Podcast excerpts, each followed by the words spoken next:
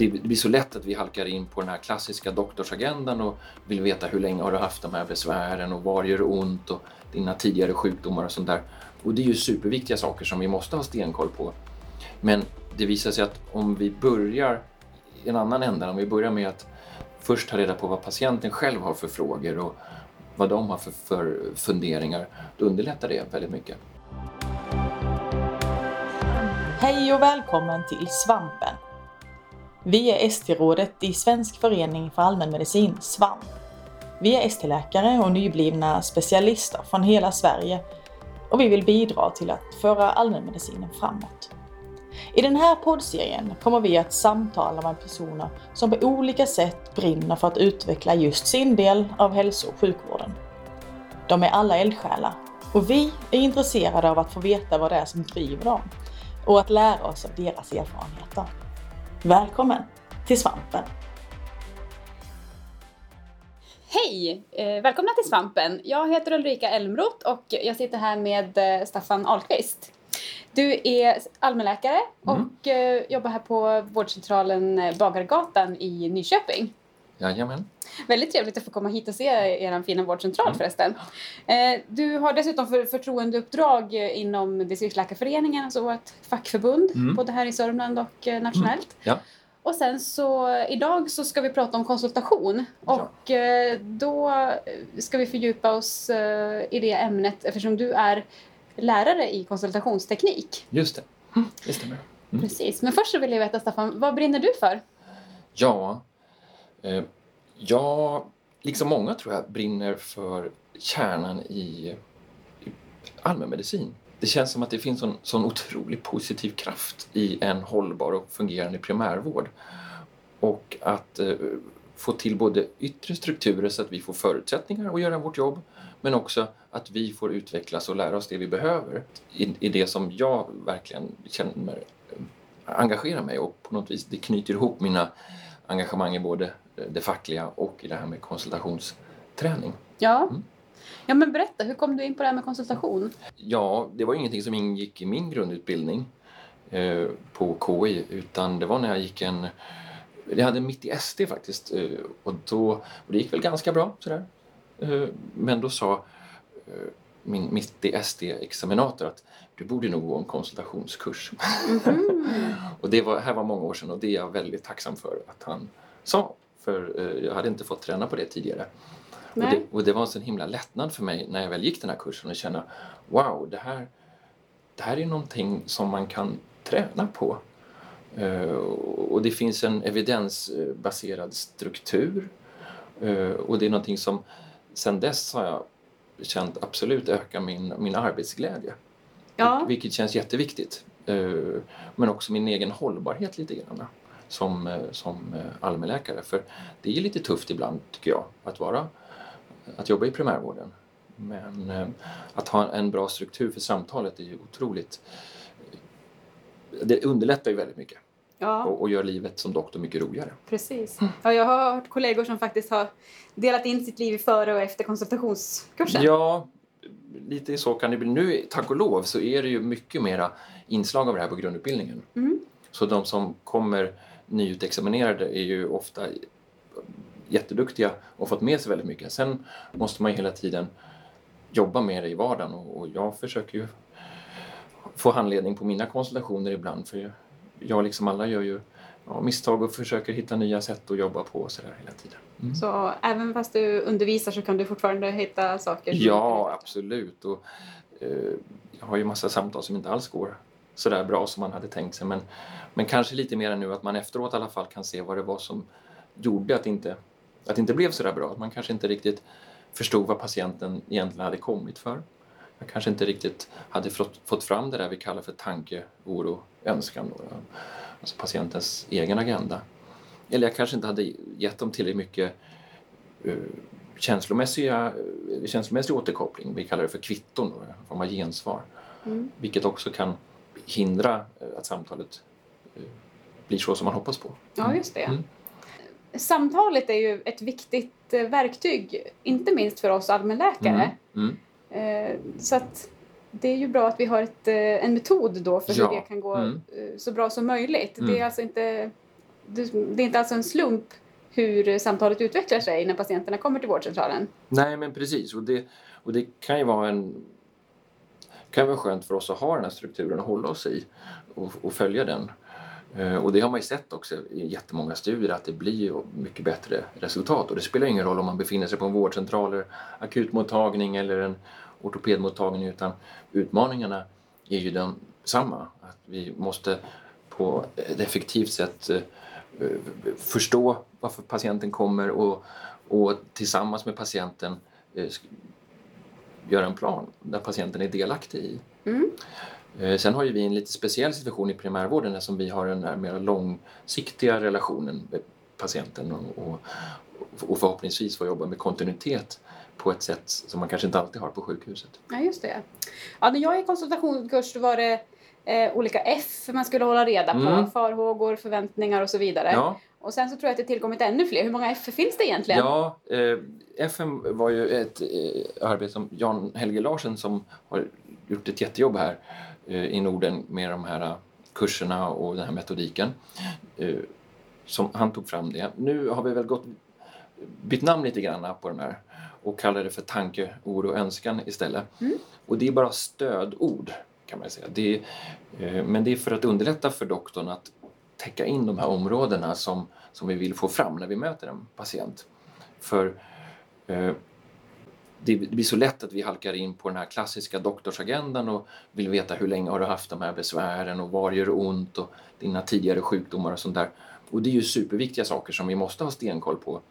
Men det visar sig att om vi börjar i en annan ända, om vi börjar med att först ta reda på vad patienten själv har för frågor och vad de har för, för funderingar, då underlättar det väldigt mycket. Ja.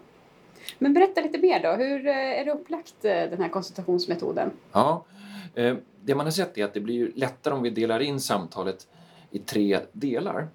Och då kallar vi den första delen för patientens del.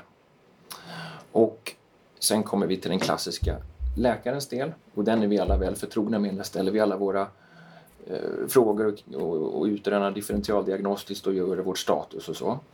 Och sen avslutar vi i den gemensamma delen där vi knyter ihop säcken och försöker besvara patientens frågor och, och tillsammans med patienten göra en, en, en plan där de, som de är delaktiga i. Mm.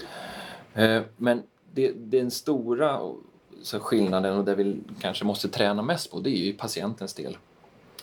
Den första? Den första delen, precis. I början, precis när samtalet börjar.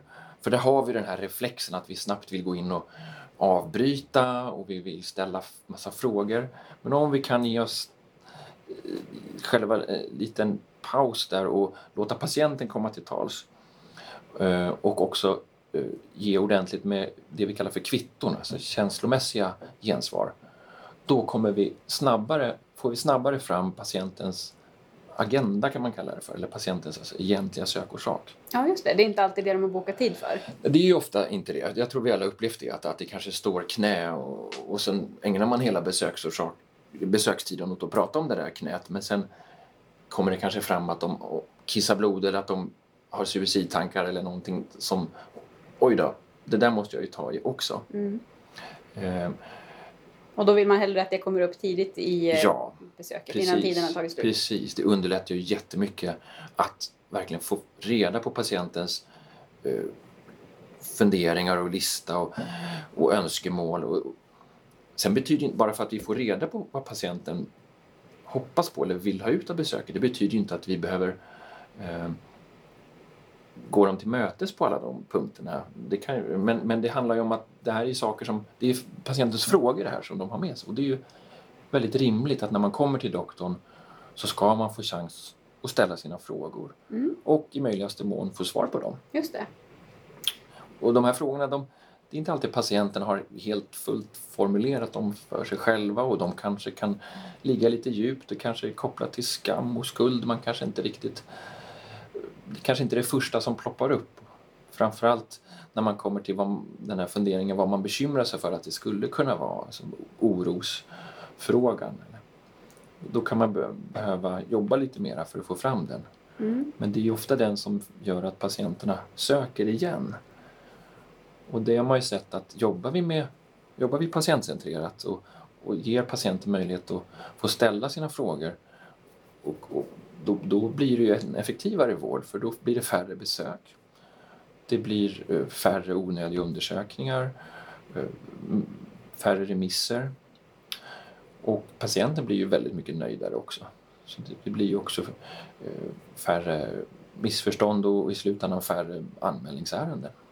Ja, det låter ju fantastiskt. Ja. Men hur hinner man med det här då? Ja, det är ju, det är ju en, en, en vanlig farhåga för många av oss känner sig ju rätt tidspressade.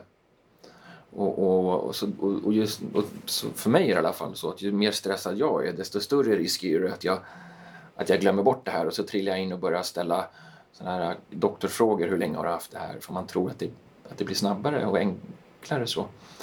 Men, men det blir ju oftast mycket effektivare om vi börjar med att kort bara ta reda på vad patienten egentligen är här för.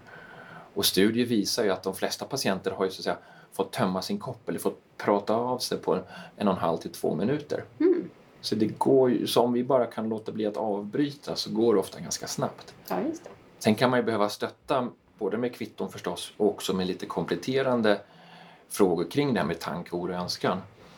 Och, gö- och sen göra en sammanfattning av det så man vet att, att man är klar med patientens del. Ja, just det. Mm. Ja. Eh, Men eh, vi hade tänkt att vi skulle göra ett litet exempel här med, Ja. en, eh, med ett patientexempel. Ja, Så att lyssnarna kan få lite mera konkret exempel på hur det kan gå till.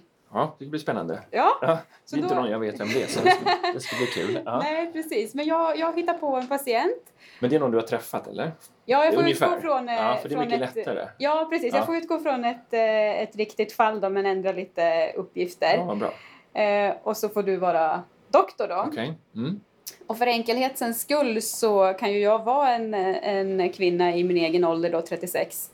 Mm. Eh, som eh, kommer till vårdcentralen. Ja, bra. Mm. Och då, eh, då ska jag då försöka, om det går, att få fram din, din tanke, oro och önskan. Ja. Eh, Och, och, och du nämnde det här med F och tidigare så kallar man det för eh, föreställningar, förväntningar och, och farhågor. Får vi se om det går. Ja. Och så ska jag försöka ge lite kvitton, Mm. se om det går. Ja. Och så har vi tur så kommer jag försöka få till en sammanfattning också. Oj, så pass. Ja. För det har man ju sett att, att, gör man, att en sammanfattning är ju väldigt... Eh, det, det blir som ett kvitto till patienten att den här doktorn försöker förstå och har försökt att lyssna. Sen kan jag ha förstått fel. Mm. Och då blir sammanfattningen en chans för patienten att, eh, att korrigera mig. ja, just det. Sen underlättar det för mig väldigt mycket. Jag har slutat föra anteckningar efter att jag jobbar mer med sammanfattningar. För har man väl sagt det, då, då har man ju sagt det en gång och då sitter det ofta kvar i minnet tills jag ska diktera. Ja, Så det underlättar också tycker jag. ja. Men vi prövar. ja, Ja. precis. Hej, välkommen. Staffan heter jag. Hej Hej. Ulrika. Varsågod och berätta. Ja, nej, men det är så här att jag eh, har fått något eh, fel i kroppen. Oj då. Ja, eh, så att eh, jag är väldigt eh, trött vissa dagar. Eh, och så får jag hjärtklappning. Alltså jag tränar ganska mycket. Ja. Jag, jag simmar och springer och så. Och en swimrun-tävling här om, om någon vecka. ja, spännande. Och jag tränar hela sommaren och, eh, och så. Men nu på slutet så har det varit så att när jag är ute och springer eller så där, då, då tar det emot och så kan jag inte ta i mer. Och så måste jag liksom slå av på takten och kan inte alls eh, ta i lika hårt som jag är van. Jaha. Eh, och ibland så slår hjärtat också ganska hårt och, och så. Och det kan komma på natten också när jag ska sova. Mhm, obehagligt. Ja, verkligen. Ja. Ja, det, så nu vet jag inte ska, om jag ska avboka den här tävlingen eller om, liksom, Ja. vad ska hända. Ja, det är en viktig fråga. Ja, Mm. verkligen. Så vill jag prata med en hjärtspecialist om det här och, och verkligen okay. Mm. reda ut vad det kan vara som är fel. Vad bra att du berättar det, att det är det du har funderat på att du kanske behöver. Mm. Ja. Eh, Det låter ju som att du har att du tränar hårt för det här, det här är viktigt för dig, men nu har du haft massa obehagliga saker och, som påverkar dig Ja. mycket. Ah, Vad bra att du kom, så vi får fundera på det här Ja. tillsammans. Ja. Ja. Eh, vad, hur har dina funderingar gått? Vad tänker du själv att det här handlar om? ja, men vi har ju en del hjärtsjukdomar i släkten. Aha. Så att eh, jag är ju lite orolig att det är något sånt som har börjat visa sig nu då. Mm. Och då vet jag inte om jag, om jag ska träna så här hårt. Jag kanske bara ska, ska vila istället. Ja. Eh, fast då blir jag ju rastlös istället. Så det är Ja, ju ja. liksom, och, och nu med den tävlingen och, och allting. Vi har ju tränat, min, min, eh, min partner och jag har ju tränat för den här tävlingen. Okej. Ehm, och, och, och så. Så att det känns ju jättetaskigt om jag skulle behöva ställa in den också. Och så. Ja. Så det är, Mm. det är ett bekymmer att du, kan, att du kan behöva avboka den här viktiga tävlingen framgent? Då. Ja, verkligen. Ja. Nej, och sen så, jag menar, ja, jag vill ju inte bara falla ihop en dag och dö heller. Nej. Ehm, Du har haft sådana tankar? Ja, men det är Ja. väl klart, Ja, när man blir sådär trött och Ja. hjärtat slår och, och så. Det är väl mänskligt? Ja, ja, Ja, vad bra att du berättar det. ja, Ja, jag ska försöka hjälpa dig så gott jag kan. vad Ja. bra. Ja, det var jättebra. Eh, Något annat som du har funderat att det här skulle kunna vara orsakat av? Eller? Ja, men det är väl klart man funderar, men alltså... Jag tycker det, alltså det är väl klart man kan ju alltid tänka på det här med stress i livet. Ja, det är en och så. du har haft. Och barnen har sina aktiviteter och det är på jobbet och sådär. Men jag tycker inte att jag har stressat. Nej. Nej. Eh, jag tycker faktiskt att det har varit en ganska bra period nu. Och, Ja, och så. så det, jag tror faktiskt inte att det är stress ändå. Nej. Men, men om jag förstår det rätt så, så är du en hårdtränande person men nu har du haft massa obehagliga symptom som gör att du funderar på eh, är det här någon kopplat till min ärftliga hjärtsjukdom eller till, till den här hjärtsjukdom som ni har ärftlighet för i släkten? Eh, eller kan det vara kopplat till stress? Eh, du funderar på att du kanske behöver en specialistbedömning eh, på sjukhus. Ja, det vore ju väldigt bra om man kunde få till det nu Ja. innan den här tävlingen också. Ah, Just det, så ganska snabbt skulle du vilja ha det också. Mm. Ja, men det är bra att jag vet hur du har funderat. Eh, för i, i slutändan är du orolig för att det här skulle att du skulle kunna klappa ihop av det här. Men också att det kan leda till att du behöver avboka tävlingen. Mm. Mm. Har jag förstått det ungefär rätt då? Ja, det var en väldigt bra sammanfattning. Ja. Eh, innan jag ställer mina frågor, var det något mer som du ville fråga mig om idag? Nej, det, det är det här jag söker för. Ja. Ja, ska vi pausa där? Ja. ja. Så för nu kommer vi till eh, doktorns del. Ja, just Nu det. har jag ju massa differentialdiagnostiska frågor Mm. Att ställa. Ja. Och, och, och, och så vill jag förstås undersöka och lite sådär. Ja. Och sen när jag har gjort det, då ska jag försöka kny, får vi försöka knyta ihop det här. Mm. Och eh, så ska jag försöka besvara de här frågorna så gott det går. Ja. Och så får vi tillsammans eh, komma fram till en plan Mm. där du får vara delaktig. Då, då. Mm. Eh, och delaktighet betyder inte att det är du som bestämmer vad som ska göras men att du ska få så mycket information så att du kan vara delaktig i, i beslutet för nästa, Mm. nästa steg. Mm. Ja, jag måste säga att det, det här kändes ju väldigt bra som patient. Okej, Ja. vad var det som kändes bra? Nej, men jag vet inte. Jag går inte till doktorn så ofta eftersom, eftersom jag är läkare själv. Nej, men eh, jag, jag, eh, jag kände mig väldigt eh, lyssnad på. Mm. Eh, och bekräftad just det här eh, att, att det måste kännas obehagligt Mm. och, och läskigt och sånt. Mm. Det är kanske inte sånt som man väntar sig att doktorn ska, ska säga. Eh, och så så att, eh, att du förstod det på en gång, Ja. det kändes ju väldigt bra. Så Ja. att man inte behöver sitta och försöka tjata om det. Ja, just det. Eh, och sen den här sammanfattningen var ju väldigt fin. Alltså, du hade ju snappat allting. Ja. Vad, vad tyckte du, vad hade sammanfattningen för effekt på dig? Eller vad ledde den till för dig då? Som patient? Nej, men då kände jag ju verkligen att du har ju lyssnat ordentligt. Okej. Ja. Mm. Ja, det ju spännande att se vad vi får fram sen i läkarens del. ja, precis. Mm. Ja, men nu, jag tänkte här för lyssnarnas del. De kunde ju bara höra våra röster nu. Ja, Eh, och just det. inte se något kroppsspråk och sådär. Nej. Hur kan man tänka kring det? Ja, nej, det där är en viktig uh, fundering. Eh, jag har väl mer och mer börjat övergå till bara ljudinspelningar. Mhm. Eh, Du menar när ni har kurser ja, och ska ha ja, på kursen, och sådär? själva kurserna så kör vi med video. För det är jättebra att ibland ha fått se sig själv på video. Mm. Men har man gjort det några gånger så räcker det. Ja, okej. Men sen när vi kör ja, hemma på vårdcentralen handledning med underläkare eller, eller när jag själv vill eh, ha handledning på något samtal. Mm. Därför att video har en tendens av att aldrig bli av. Nej, just det. Det är bökigt om man ska ha kamera bökigt och patienterna fin- kanske inte tackar Ja. ja till att vara med om det är kamera Nej. i rummet och så. Och, det, och jag tror att det finns ett litet motstånd hos doktorn också till att plocka fram den här kameran. Så det finns Mm. ofta höga ambitioner men i slutändan så blir det inte så mycket inspelat. Men med ljudinspelningar så är det ofta väldigt mycket lättare. Och lite beroende på vilket journalsystem man har men, men hos oss så funkar det alldeles utmärkt att använda diktafonen och spela in med. Ja, just det. Och direkt i journalen då. då. Och, och då är den ju låst sen så det är ju säkert sekretessmässigt. Mm. Och eh, sen när vi har lyssnat på det så kan jag radera den. Ja. Jag måste självklart ha patientens eh, godkännande Mm. och eh, jag brukar be att de skriver på sånt här eh, eh, samtycke till inspelning. Då, då. Mm. Eh, men, men i övrigt så underlättar det väldigt mycket Ja, tycker jag. Ja, det det, kan, det kan jag rekommendera. jättebra Mm, tips. Ja, hur går det till då på en sån här konsultationskurs? Alltså nyckeln kan man väl säga är att få göra det du gjorde nu. Att få sitta som patient och, få, och att vi får jobba med riktiga patientspel. Mm. Eh, för det är bara, man kan ju bara lära sig lite grann genom att läsa eller, eller lyssna på en föreläsning och sånt. Men det här är ju en färdighet och den måste man ju få öva och upp, framförallt uppleva. Mm.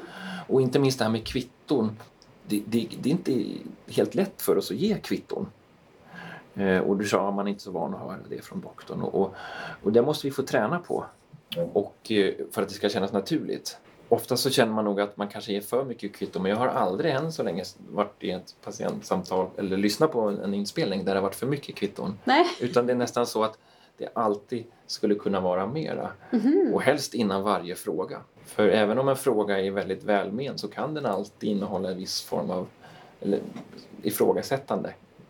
Så, så att grunda med ett kvitto, till exempel innan jag frågar om vad du själv har tänkt eller innan jag frågar om det här med oro. Det gör att patienten har lättare att, att eh, hjälpa mig med den informationen. Jaha, så att det inte låter snorkigt? Eller, Ja, men, nu, liksom? ja, men precis. lite. Ja, så- eller kan ja, du, ha- ja. har du några exempel på, på olika typer av kvitton? Alltså de första basala, det är ju att, ha, eh, att de här hummanden och, och bara, bara liksom visa att man är där. Mm. Eh, men eh, säga, att ge kvitto på hur du upplever det. Det låter besvärligt eller var jobbigt eller det, måste vara tufft att behöva söka så här många gånger och inte få svar. Eh, och du har verkligen kämpat med det här. Eh, sen, vad bra att du kom. Mm. En del blir ju, kollegor ty- tycker att det känns lite provocerande och, och, att det här med vad bra att du kom, för man kanske inte själv tycker det. Mm, just det. Eh, Men jag tror ju att man kan säga vad bra att du kom i alla lägen. Ja. För patienten har ju ändå kommit av någon anledning som vi kanske, det kanske inte alltid är medicinskt jätteviktigt, men de har ju funderingar kring det här. De har en oro kopplat till sökorsaken. Mm. Och då är det väl bra att de kommer så att vi kan så att jag kan få förstå vad den oron är och vi kan prata om det så att de kan stärkas lite grann och få information och veta hur ska jag söka om jag får den här hjärtklappningen eller när, jag, när, när min ettåring är förkyld. När, när ska jag, vad, vilka tecken är det jag ska leta efter? När kan jag stanna hemma och när ska jag söka? Ja, precis. Ja, det kände jag nu i exemplet som vi gjorde att eh, när du sa det, då kunde jag bara slappna av i stolen och känna Ja. att ja, men nu är jag på rätt ställe. Ja. Jo, men det, det, det, det är ofta ett ganska starkt kvitton. Och sen också att kanske att jag ska försöka hjälpa dig. Mm. Eh, om man kan få in det någonstans. För det är ju därför vi är här. Vi vill ju försöka hjälpa patienterna. Men, men jag kan inte, det är inte säkert att jag kan hjälpa dig. Men jag vill gärna försöka. Ja, precis. En sak jag, en sak jag försöker undvika att säga det är att jag förstår. Ja, okej. Mm. Eh, jag vill ju gärna signalera det. Mm. någon form av förståelse. Men, men det, det, dels så kan det misstolka, eller patienten kan nästan ibland känna men du kan inte alls förstå hur jag har det. det jag har det så jävligt. Mm. Men det kan också bli så att, att jag använder det jag förstår istället för att ge ett starkare kvitto. Och ibland så måste man ju verkligen ta ifrån tårna och, och kvittoduscha patienten. Alltså, Jaha, ja. du menar att man ska överdriva? Ja, nästan så att det känns lite överdrivet. Och det kan vara det som ibland gör att man får kontakt med patienten och att de slappnar av och börjar faktiskt lyssna på det vi har att säga. Eh, och eh, ofta patienter som är väl, som kanske har upplevt sig missförstådda tidigare kan ju verkligen behöva många starka kvitton. Vilka är det som eh, går de här konsultationskurserna då? Ja, framförallt så är det ju idag eh, ST-läkare i allmänmedicin. Mm. Men fler och fler eh, ST-läkare från andra specialiteter börjar också göra det, vilket är superkul. Ja. För det här är ju verkligen en, en doktorskompetens. Mm. Tänker jag. Det är ju inte någonting som är unikt för allmänmedicin. Nej, just det. Men i allmänmedicin så är det en obligatorisk kurs i vår målbeskrivning för att bli specialister. Eh, det, det är en obligator, ett obligatoriskt delmål och de flesta eh, studierektorer anser ju att, man, att det inte räcker med att bara göra någon enklare variant utan man behöver en kurs. Mm. Och det, det stöds ju av forskningen också att man måste få använda det här, eh, testa det praktiskt och jobba med det praktiskt och att längden på eh, interventionen påverkar också inlärningen. Det vill säga det räcker inte med någon kort kurs eller seminarium utan man måste få använda det under lite längre tid och jobba med det praktiskt. Typ en vecka eller? En vecka är ju jättebra och det, de, många kurser är ju ungefär en vecka. Mm. Men sen är det viktigt att man eh, fortsätter med det hemma. Ja, Och det kan ju vara lite knepigt. Det beror lite på hur man har det runt omkring sig. Men man kanske kan gå ihop några stycken och lyssna på varandras eh, ljudinspelningar. Eh, och det viktigaste man kan göra det är att själv efter samtalet fundera lite. Hur gick det där egentligen? Fick jag fram tanke, oro och önskan? Fick patienten några kvitton? Mm. Eh, och hur gick det i gemensam del? Fick patienten faktiskt svar på de där frågorna? För det är en sak att vi får fram dem i patientens del, men vi måste ju plocka med dem sen till slutet och försöka besvara dem också så gott det går. ja, Och då är det ju väldigt mycket lättare om man när man kommer till avrundningen att man börjar med en sammanfattning igen då, då. Och sammanfattar tanke, oro och önskan eh, som en del av den gemensamma delen. ja just det. Mm. Sen kan man ju läsa lite. Det finns ju eh, på internetmedicin ett PM Mm. eh, om det här. Eh, om man vill lite påmind. Och sen har Jan Helge Larsen skrivit en bok som finns på studentlitteratur Ja, om patientsamtalet. ja. Mm. Så nu finns det en, en, en hel generation med eh, nya specialister och så som, i allmänmedicin som har gått konsultationskurs. Ja. Och även eh, äldre specialister också naturligtvis. Ja. Mm. Ja, det är jättekul. Det finns ju jättemånga duktiga kollegor runt om i landet som jobbar med det här och håller kurser. Och, eh, men samtidigt finns det många som inte har hunnit göra det ännu så det, så det, det är lite blandad bild. Mm. Och det är också ganska stor skillnad var man har gått sin grundutbildning idag. Så, som vi har många kollegor som har läst eh, i andra länder och då kanske man inte har fått med sig så mycket av det här. Så då kan man ju eh, kanske tycka att det är värdefullt att gå någon eh, kurs även om man ska bli jobba inom någon, någon annan specialitet. Ja, det är klart. Mm. Är det, mm, kan andra professioner än läkare ha nytta av det här?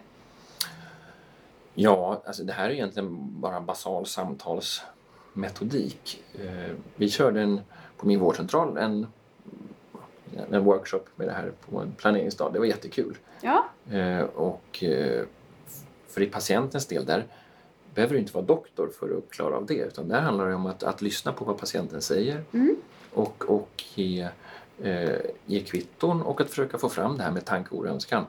Och sekreterare och, och undersköterskor de är ju superduktiga på det här.